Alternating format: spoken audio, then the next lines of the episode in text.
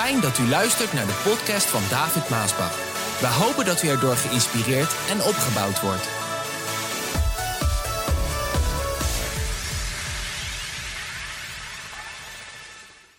De titel van vandaag, die luidt, ik kan mijzelf maar niet vergeven. Daar zat ik over na te denken. Omdat vele mensen, maar ook christenen, die beseffen niet dat zonde brengt schuld.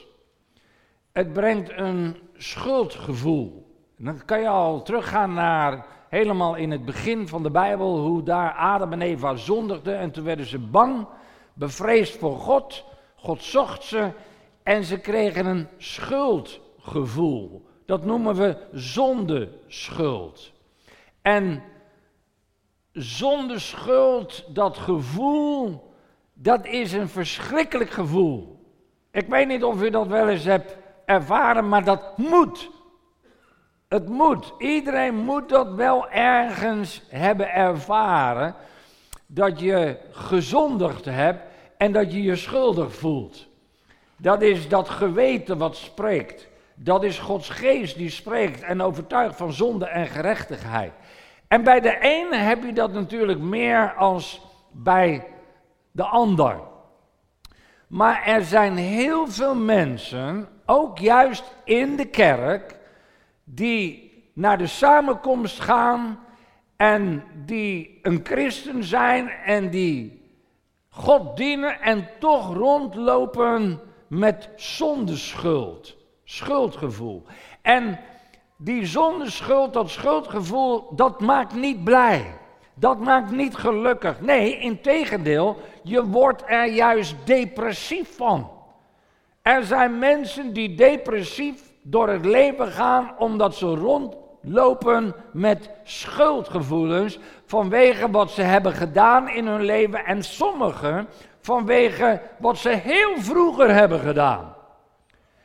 En ik krijg brieven van mensen die mij schrijven en daarin lees ik dat ook. Uh, en soms beseffen ze het zelf niet en dan kan ik hun uitleggen waarom zij depressief zijn. Waarom zij die schuldgevoelens hebben. Ik heb mensen die geschreven hebben dat, ja, ze zijn zelfs ook in de gemeente. Misschien is dat hier zelfs, maar je praat er niet over. En toch voel je je schuldig. Zo ken ik een meisje die mij schreef dat ze vroeger abortus had gepleegd. Dat heeft al die jaren aan haar gekraagd. Kijk, dat hoor je natuurlijk niet. Daar wordt haast niet over gepraat.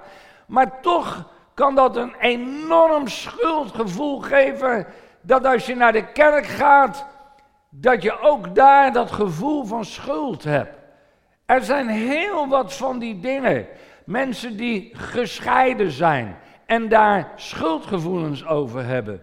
Mensen die overspel hebben gepleegd en rondlopen met schuldgevoel. Mensen die gelogen hebben. Je kan liegen, je kan bedriegen, je kan stelen en schuldgevoelens hebben. Nou, nou kunnen dat ook wel eens een beetje ja, wat meer onschuldigere dingen zijn. Want ik herinner mij dat ik een kleine jongen, ik meen een jaar of acht was. Toen was ik bij wat vrienden ergens in het land. En toen had ik, vroeger had je aan de muren van de sigarenboeren had je van die automaten. En dan kon je een rolletje drop of een rolletje pepermunt uithalen. Voor een dubbeltje. Ik weet niet of de ouderen dat nog kennen. Nou, dat heb je natuurlijk nu niet meer. Maar dat had je toen. En toen had ik, toen was ik naar binnen gelopen. Ja, acht jaar, hè, maar ik durfde het wel zeg. Maar ik had alle moed verzameld, naar binnen gelopen, naar de toonbank. En ik zei, meneer, ik heb er een dubbeltje in gegooid, maar er komt geen rolletje uit. Maar het was niet waar, hè? En toen kreeg ik een rolletje pepermunt en ik zat dat daar thuis op te eten. Dus die, eh, dat, dat, was een vriend van mijn vader waar ik logeerde. En die vroeg aan mij, hoe kom jij aan dat rolletje pepermunt? Nou, ik wist niet hoe ik het moest vertellen. Toen kwam hij erachter en al huilend kwam het eruit wat ik had gedaan. Toen voelde ik al dat schuldgevoel, hè. En toen moest ik tot overmaat van ramp, moest ik van die man naar de toonbank, naar die verkoper om te vertellen wat ik had gedaan. Nou, huilend heb ik het gedaan. Maar toch raar, dat daarna voelde ik me eigenlijk toch wel opgelucht. Kijk, dit is even in het klein, hè? Maar dan zie je, in het klein begint het zo, maar dat kan heel groot worden als je ouder wordt. Zo je kan rondlopen met enorme schuldgevoelens, wat voortkomt door dingen die je in je leven hebt gedaan, waarvan je weet, die zijn gewoon verkeerd. Die zijn verkeerd, ik ben verkeerd geweest. Dat is één.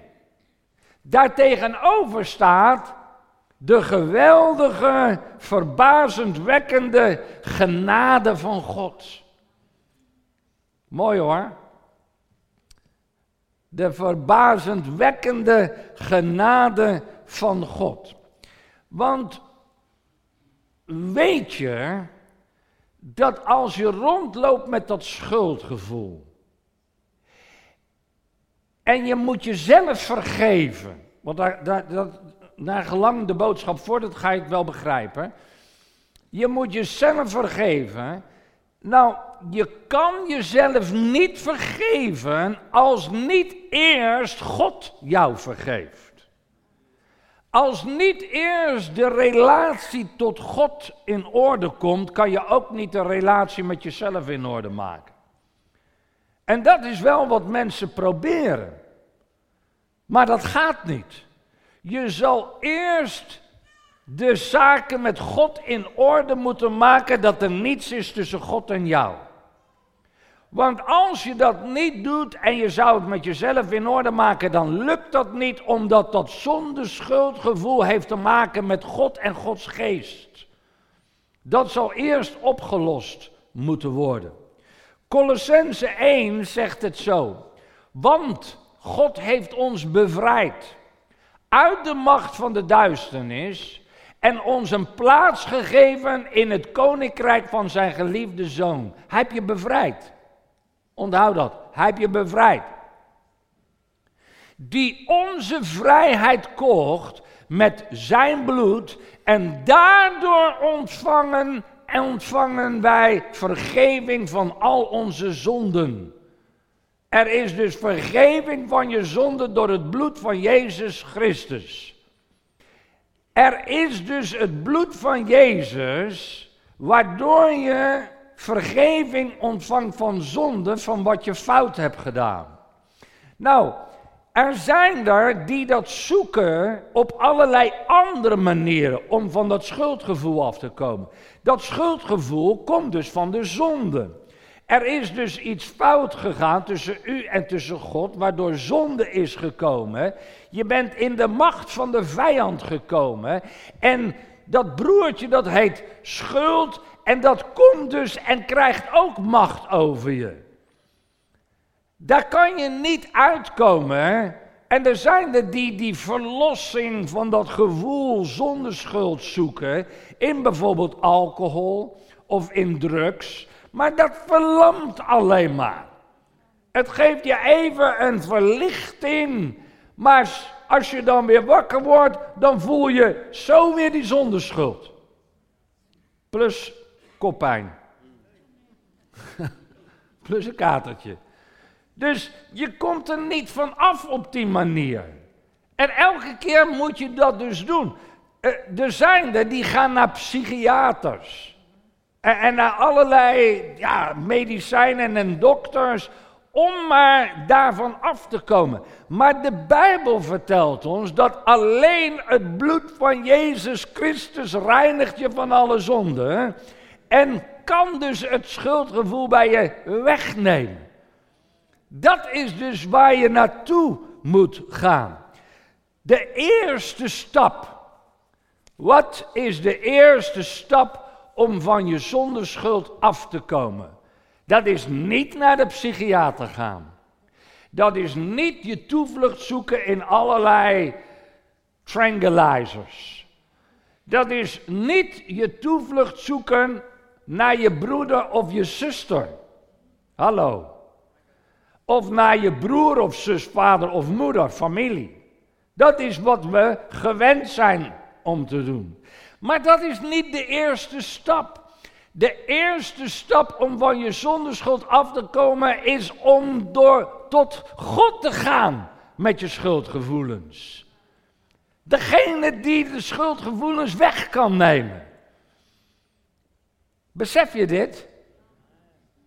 Want de mensen zijn zo gauw geneigd om te gaan praten met broeders en zusters en vrienden en familieleden en kennissen en je beste vrienden, je beste vriendin. Maar de eerste stap is om meteen naar God te gaan. Om je schuld te erkennen. En om niet allerlei excuses te maken. Ja, dat kwam door die, dat kwam door zus, dat kwam door zo. En dan gaan we onszelf rechtvaardigen. Maar we moeten geen excuses maken. We moeten ons volkomen overgeven aan God. En ons dus vernederen en zeggen: Oh God, wat ben ik toch dom geweest. Wat ben ik toch een puntje, puntje, puntje. Niet vloeken. Helemaal niet tot God vloeken. Maar je kan zeggen, wat ben ik toch een zak geweest. Nou ja, ik weet niet of je zo ver wil gaan. Maar daar komt het wel op neer. Want waarom is dit zo belangrijk? Wel, de Bijbel die vertelt ons in Jacobus 4 dat hij geeft ons steeds meer genade. Daarom staat er in de boeken, God keert zich tegen de hoogmoedigen maar hij is genadig van wie nederig is. Als je dus allerlei excuses gaat maken en er een draai aan gaat geven om er toch een beetje redelijk uit te komen, dat heeft te maken met hoogmoed. Dan, dan, dan, dat komt voort uit de geest van hoogmoed. Als je zo bij God komt, dan zegt hij, joh, zoek het lekker uit. Zoek het uit. Blijf rondlopen met waar je mee zit. Zo werkt het niet. Als je nederig bent, zoals de verloren zoon die tot tegen papa zei: Papa, ik heb gezondigd tegen u en tegen God, verspijt me zo. Ik hoef niet meer uw zoon te zijn, hoef allemaal niet meer, als ik maar terug mag komen. Dat is alles wat, oh, dat is alles wat ik wil. Dan zegt papa, die zegt, ik hoef het allemaal niet eens meer te horen. Het is vergeven, kom alsjeblieft terug, we gaan een feest ervan maken. En dat geeft Jezus als, als beeld van hoe het de Vader is en hoe de criterium is dat als we fout zijn geweest, om er niet een excuus van te maken, maar nederig te zijn en tot de Vader te gaan en te zeggen, papa, het spijt me. Kom naar de samenkomsten als je fout bent geweest. Ga naar het huis des Heren als je fout bent geweest. Blijf niet thuis in bed liggen. Kruip niet weg. Ga niet naar allerlei vrienden en instellingen en weet ik veel waar je allemaal heen gaat. Ga tot God in het huis des Heren. Dan kom je er vanaf. Dan, dan moet je even door de zure appel heen bijten. Je moet er doorheen. Maar als je er doorheen bent. Oh, wat een heerlijkheid. Ja, lieve mensen, zo is het belangrijk. Volgende vergeving ontvangen en aannemen.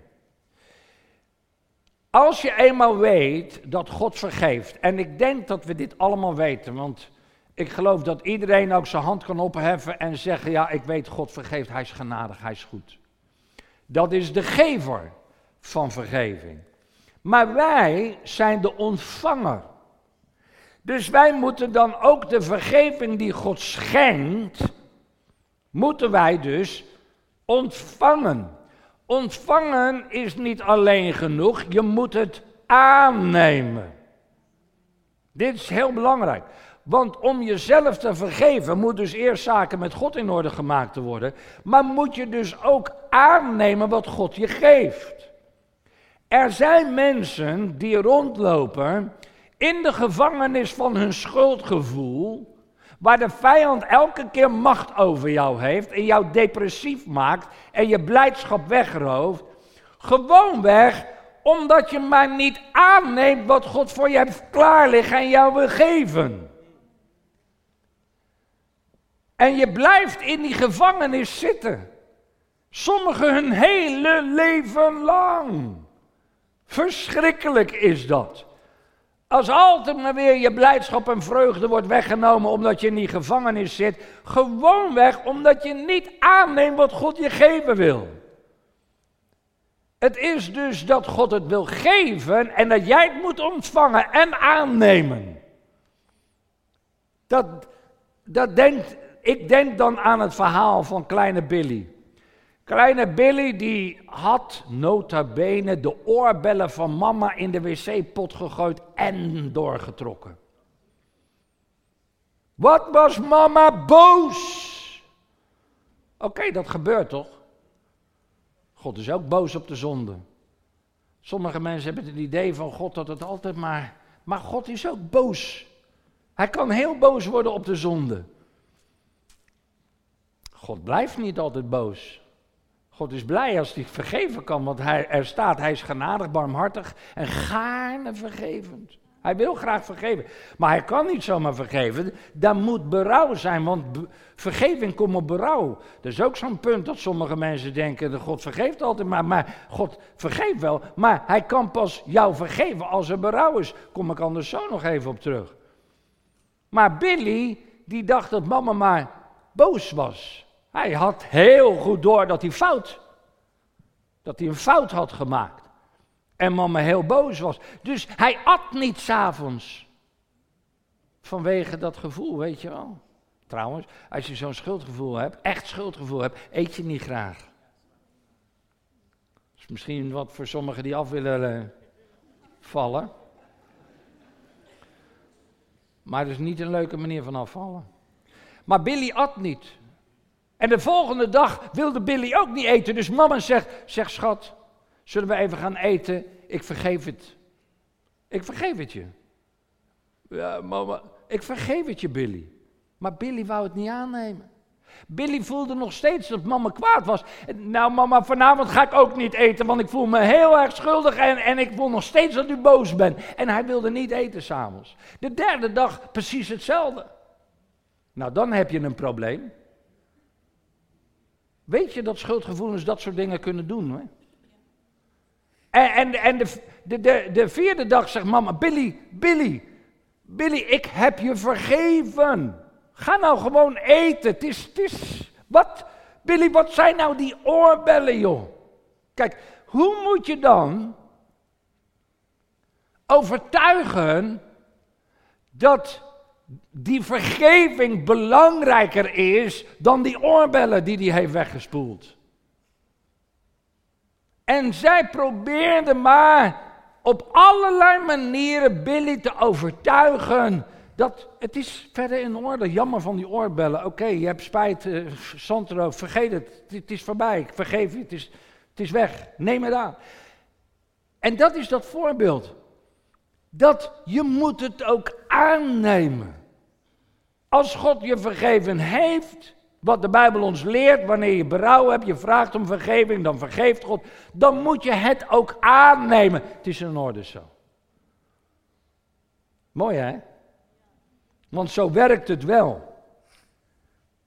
Dan kom je op dat punt luisteren naar de stem van God of naar de stem van de duivel. Want hier speelt de duivel een rol. Die zit dan in je denken allerlei woorden in te fluisteren. Ja, maar dat gaat zomaar niet, Billy. Nee hoor, mama is nog steeds boos. Dat, dat is dat spel wat de boze speelt op het gebied in je denken. Dat het gaat zomaar niet vergeven. Je kan het zomaar niet aannemen. En dan krijg je een heel, een heel, een, een heel ding speelt er dan in je denken af. En dat kan je helemaal kapot maken, weet je dat? Als je luistert naar de stem van de boze kan het je hele leven stuk maken. Zal ik je vertellen wat ik altijd voel als ik op de televisie bijvoorbeeld een documentaire zie van die mensen die lijden aan anorexia. Ik zal u vertellen, wanneer eh, ik zag het laatst weer, dan zag ik zo'n heel uitgemergeld meisje. Dat echt op sterven na dood was. En huilde en, en zei: Morgen, morgen wordt het beter, morgen ga ik eten. Elke keer als ik dat ervaar, dan ervaar ik een, een, geest van de afgrond die in dat denken van dat meisje alleen maar die gedachte geeft waardoor ze niet eet en uiteindelijk sterft ze. Hem of haar. Omdat de duivel is gekomen om te slachten, te stelen en te vernietigen. Waarom eet ze niet? Het eten is lekker, het ruikt lekker, het is goed, Heerlijk om te eten en toch eten mensen niet totdat ze dood zijn. Hoe komt dat? Dat heeft te maken met de geest van de afgrond die zo'n zo'n grip, de vijand, die zo iemand zo in de gevangenis van dat denken houdt, waardoor ze niet eet. Dat is als je luistert naar de stem van de duivel. Op alle fronten is hij er alleen maar op uit om je kapot te maken. Datzelfde geldt voor de zonde, datzelfde geldt om jezelf te vergeven, datzelfde geldt vanwege dat schuldgevoel. Er is een mooie tekst, wat staat in Colossense 2.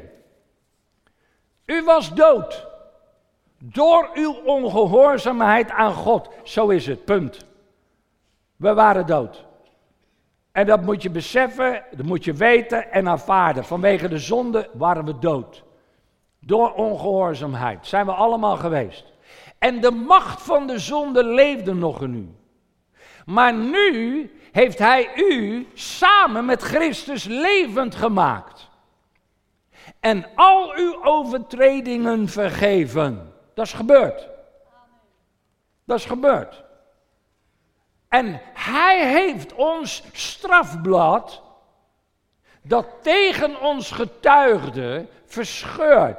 Dat waar staat dat jij gezondigd hebt, toen jij tot God ging, in berouw en om vergeving vroeg, o God, vergeef mij toch mijn fout, die stomme, ik die ik ben geweest, ben zo dom geweest, vergeef mij toch. Toen nam hij dat waar op staat dat je schuldig bent en hij heeft dat verscheurd. De lijst met regels waarom, waaraan we ons niet hebben gehouden. Dat bewijs,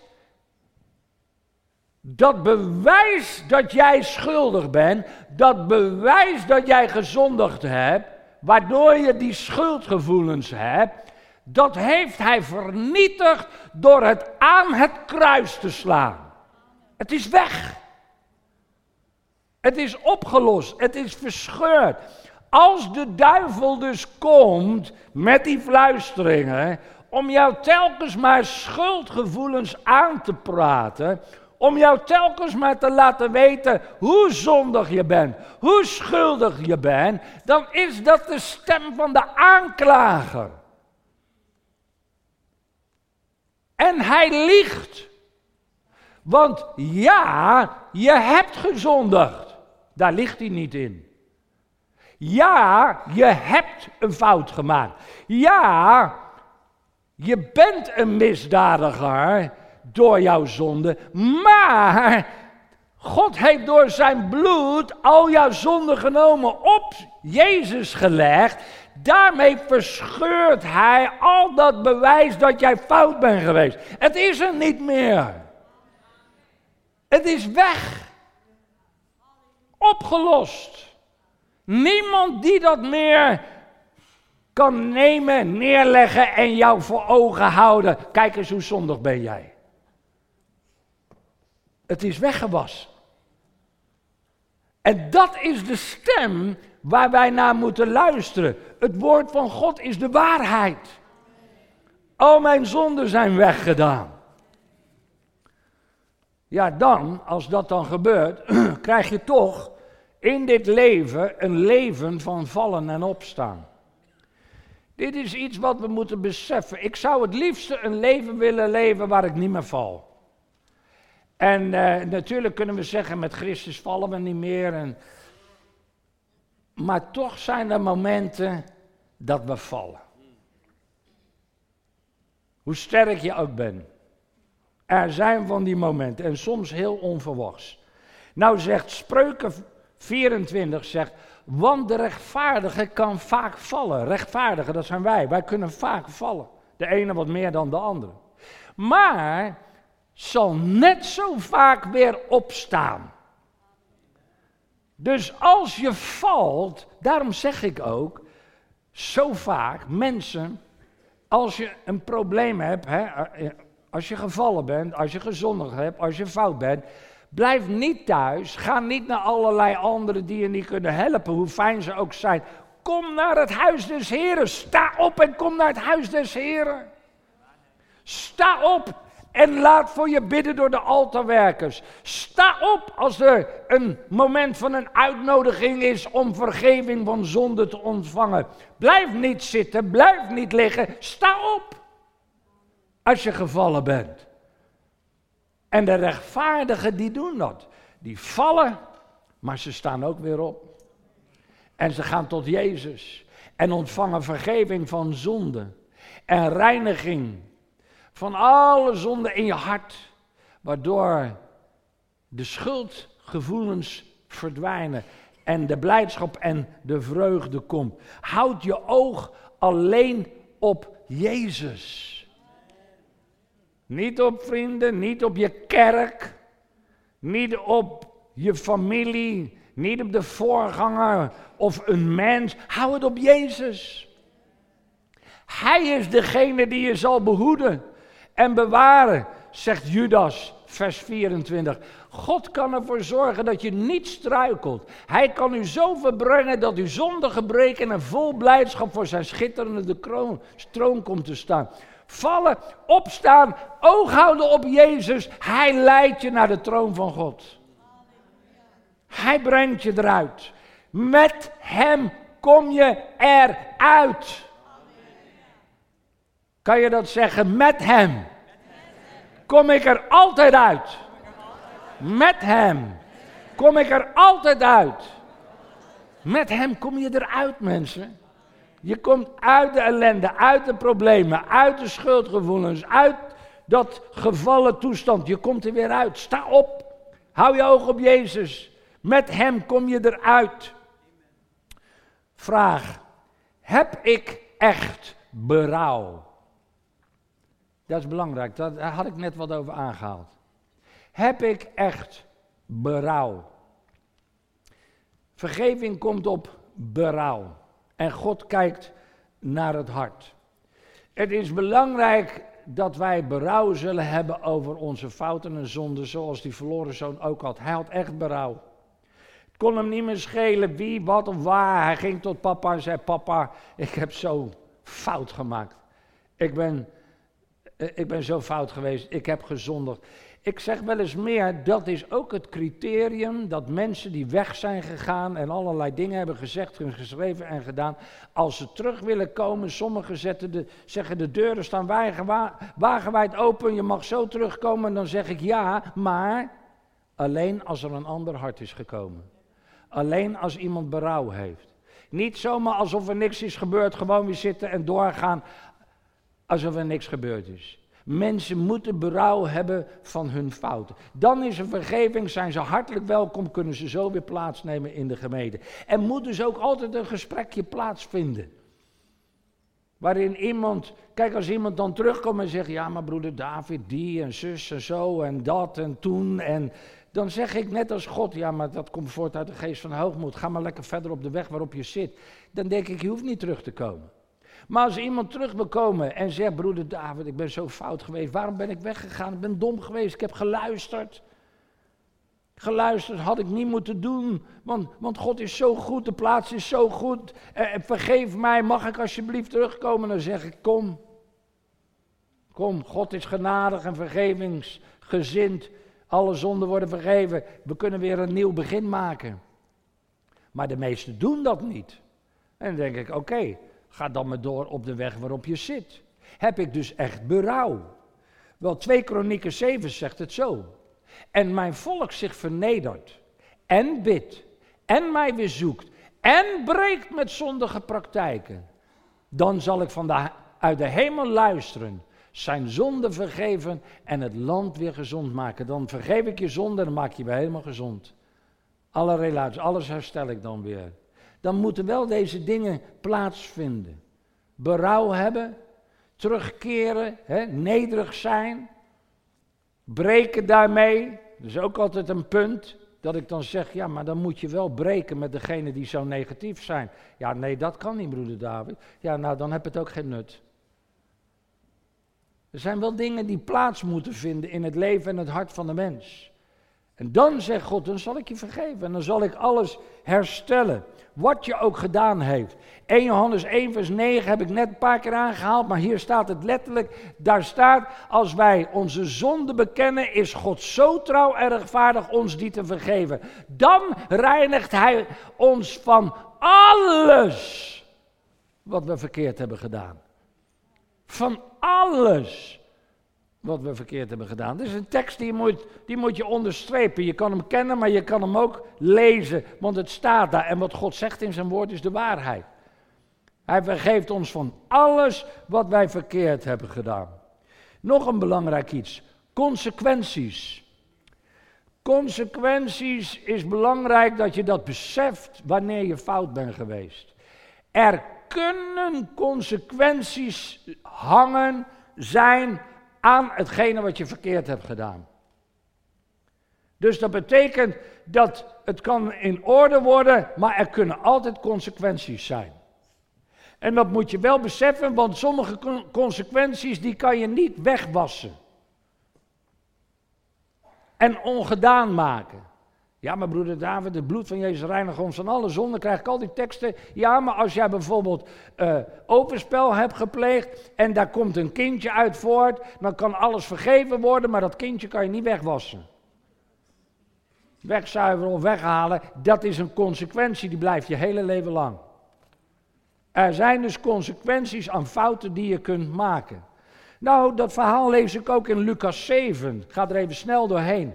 Iemand gaf twee mannen geld te leen. Vertelt Jezus, hè, dit verhaal. De een 500 zilverstukken, de andere 50. Maar geen van beiden kon het terugbetalen. En daarom schold hij hun de schuld kwijt. Wie van de twee zal daarna het meeste van hen houden? Nou, ik denk dat de man die het meeste geld schuldig was, antwoordde Simon. Precies, zei Jezus. Daarna keek hij naar de vrouw en zei tegen Simon: Ziet u die vrouw? Dat was een vrouw met een hele slechte reputatie. Prostituee, slechte reputatie, waar het hier om ging. Toen ik uw huis binnenkwam, hebt u niet de moeite genomen het stof van mijn voeten te wassen. Maar deze vrouw heeft mijn voeten gewassen met haar tranen en afgedroogd met haar haren. U hebt mij niet begroet met een kus, maar zolang ik hier ben, heeft deze vrouw mijn voeten gekust. U hebt niet het gebruik in acht genomen mijn hoofd met olie te salven. Maar deze vrouw heeft mijn voeten gesalfd met kostbare parfum nog wel. Ze had veel zonden, maar die zijn haar vergeven. Dus het is vergeven. Veel zonden, maar die zijn haar vergeven. Dat blijkt wel uit haar grote liefde. Iemand die voor weinig zou, zonder vergeving heeft gekregen, heeft ook weinig liefde. Jezus zei daarop tegen de vrouw: Uw zonden zijn u vergeven. Zij ging dus weg vergeven van haar zonden. Maar de consequenties van haar oude leven heeft nog heel lang geduurd en heeft zij gedragen. Want zij was een, een, een vrouw met een slechte reputatie. Die reputatie die ging voor haar uit. Dus ook al was zij vergeven, toen zij weer op straat liep, toen zeiden de mensen, kijk daar heb je haar. Snap je? Dat kon ze niet zomaar wegnemen. Er zijn dus consequenties aan je fouten die je niet zomaar kunt wegnemen. Maar dat staat los van de vergeving. Consequenties betekenen dus, dus niet dat je niet vergeven bent. Je bent vergeven. Het is in orde tussen God en jou. Maar er zijn consequenties die je dan moet dragen en die je dan in je leven mee moet dragen. Nou, dan kom ik bij nog zo'n mooi woord. Dat is compensatie. Er is ook nog zoiets als compensatie. Dat als jij fout bent geweest en je hebt zo met die schuldgevoelens gelopen en je bent door die weg heen gegaan, hoe je vergeving van God hebt ontvangen, hoe God jou gereinigd heeft, jou vertroost hebt, ten tijde dat je misschien die consequenties moet dragen en dat alles vergeven was en dat je de Heer zocht en dat Hij je vertroostte met zijn liefde en genade. Dat is een geweldige fase waar je helemaal doorheen bent gegaan. Jij weet dus de weg. Hoe je uit dat schuldgevoel en die zondeschuld moet komen. En hoe God daar dan in werkt. Maar er zijn velen die dat niet weten. En dan kan er een compensatie zijn dat jij anderen kan gaan helpen die ook door die weg moet gaan, maar het niet weten. Maar jij kan ze helpen. Want jij weet hoe het werkt. Je weet wat je moet doen. Je weet hoe God werkt. Je weet hoe het voelt. Maar die persoon die ervoor staat weet het allemaal niet. Jij kan dus een ander helpen. Dat zegt ook 2 Korinthe. Daar staat, hij troost ons en geeft ons nieuwe moed in alle ontberingen en beproevingen. En hij doet dat opdat wij anderen kunnen troosten en bemoedigen. Jij kan dus anderen troosten en bemoedigen. Omdat jij door de weg heen bent gegaan. Die anderen weten het allemaal niet, begrijpen het niet.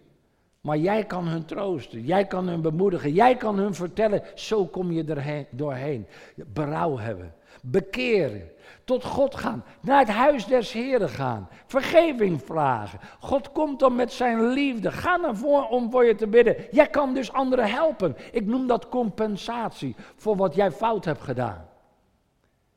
Kan jij anderen helpen? Nou, dan kom je op een belangrijke ook en dat is de vernieuwing van je denken.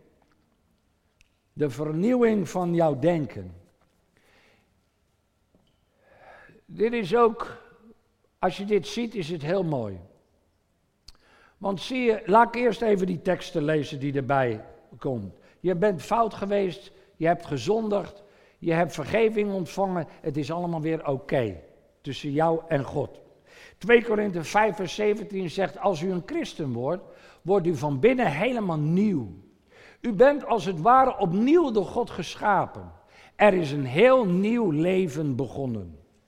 Ezekiel 36 vers 25 zegt, dan zal ik u met zuiver water besprenkelen, zodat u rein wordt.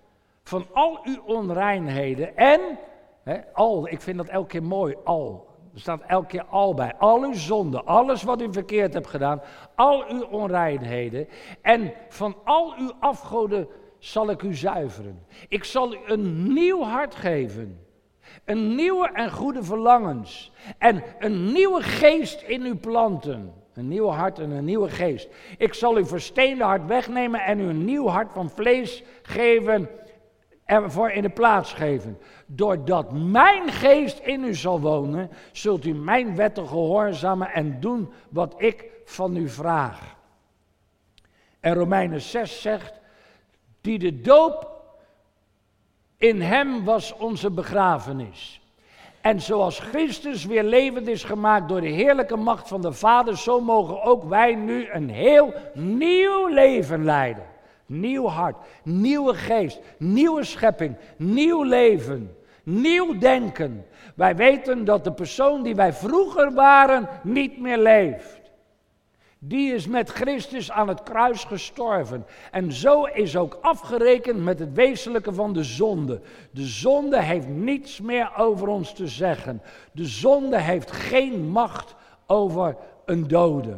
Nou, wat mij zo opviel, dat was op dit punt dat als wij dus gezondigd hebben, als we fout zijn geweest en we hebben die schuldgevoelens gehad en we zijn tot God gegaan en we hebben berouw gehad en God heeft ons vergeven en God heeft ons gereinigd en God heeft ons een nieuw hart gegeven en een nieuwe geest gegeven, dan is het belangrijk dat wij ook een nieuw denken daarbij krijgen.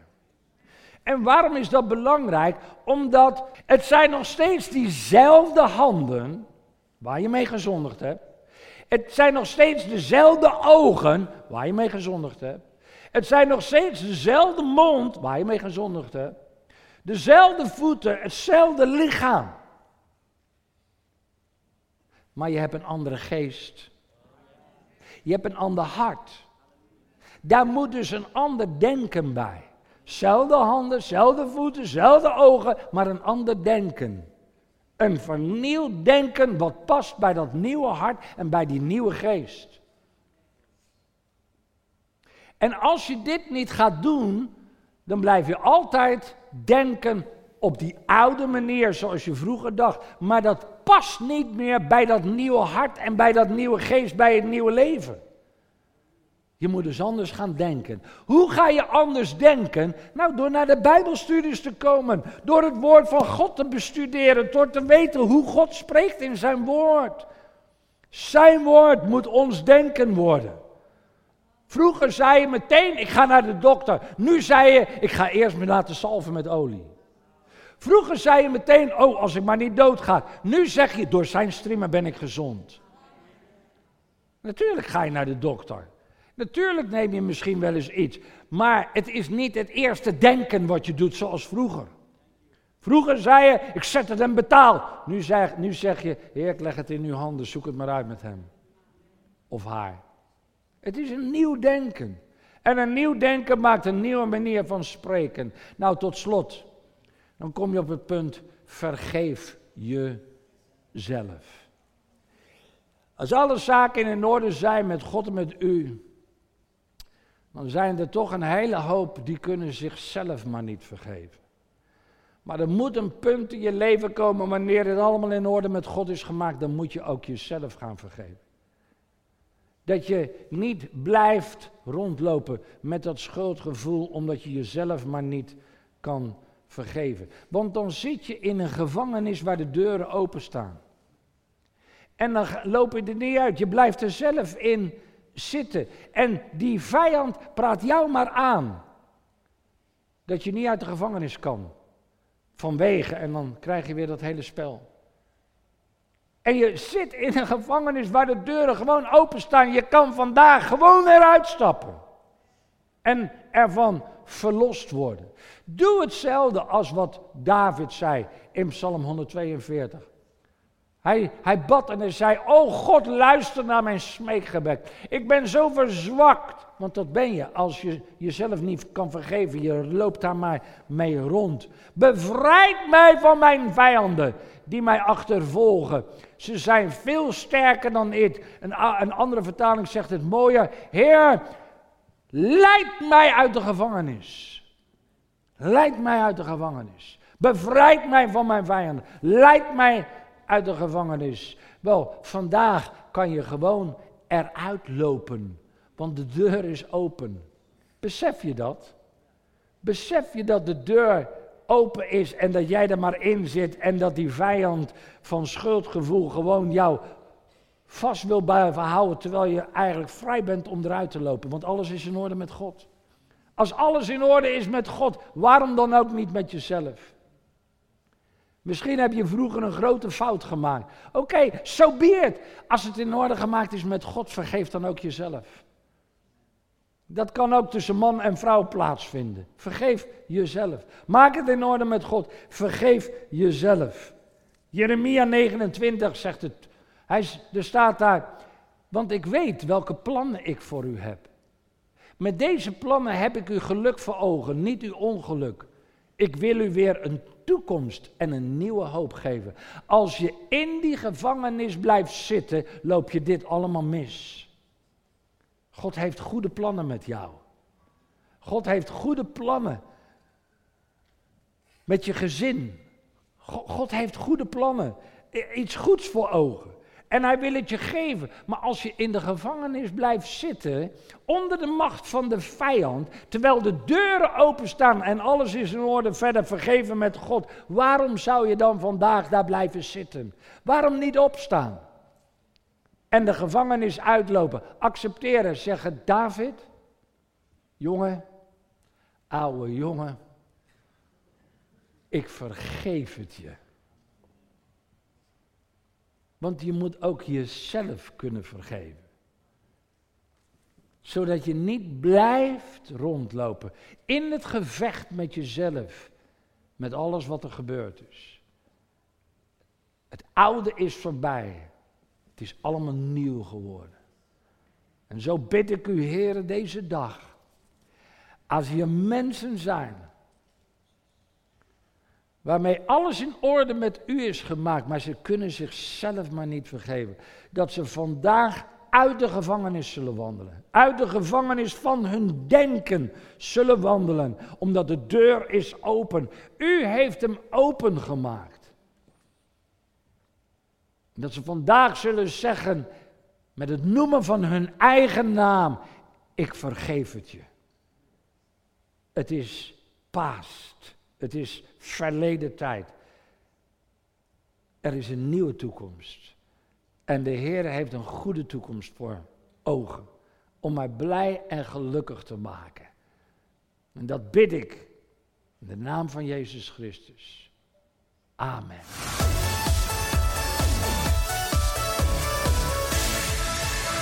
Bedankt voor het luisteren naar deze podcast. Wilt u meer preken beluisteren? Ga dan naar message.maasbachradio.com. Bezoek ook eens onze website www.maasbach.nl.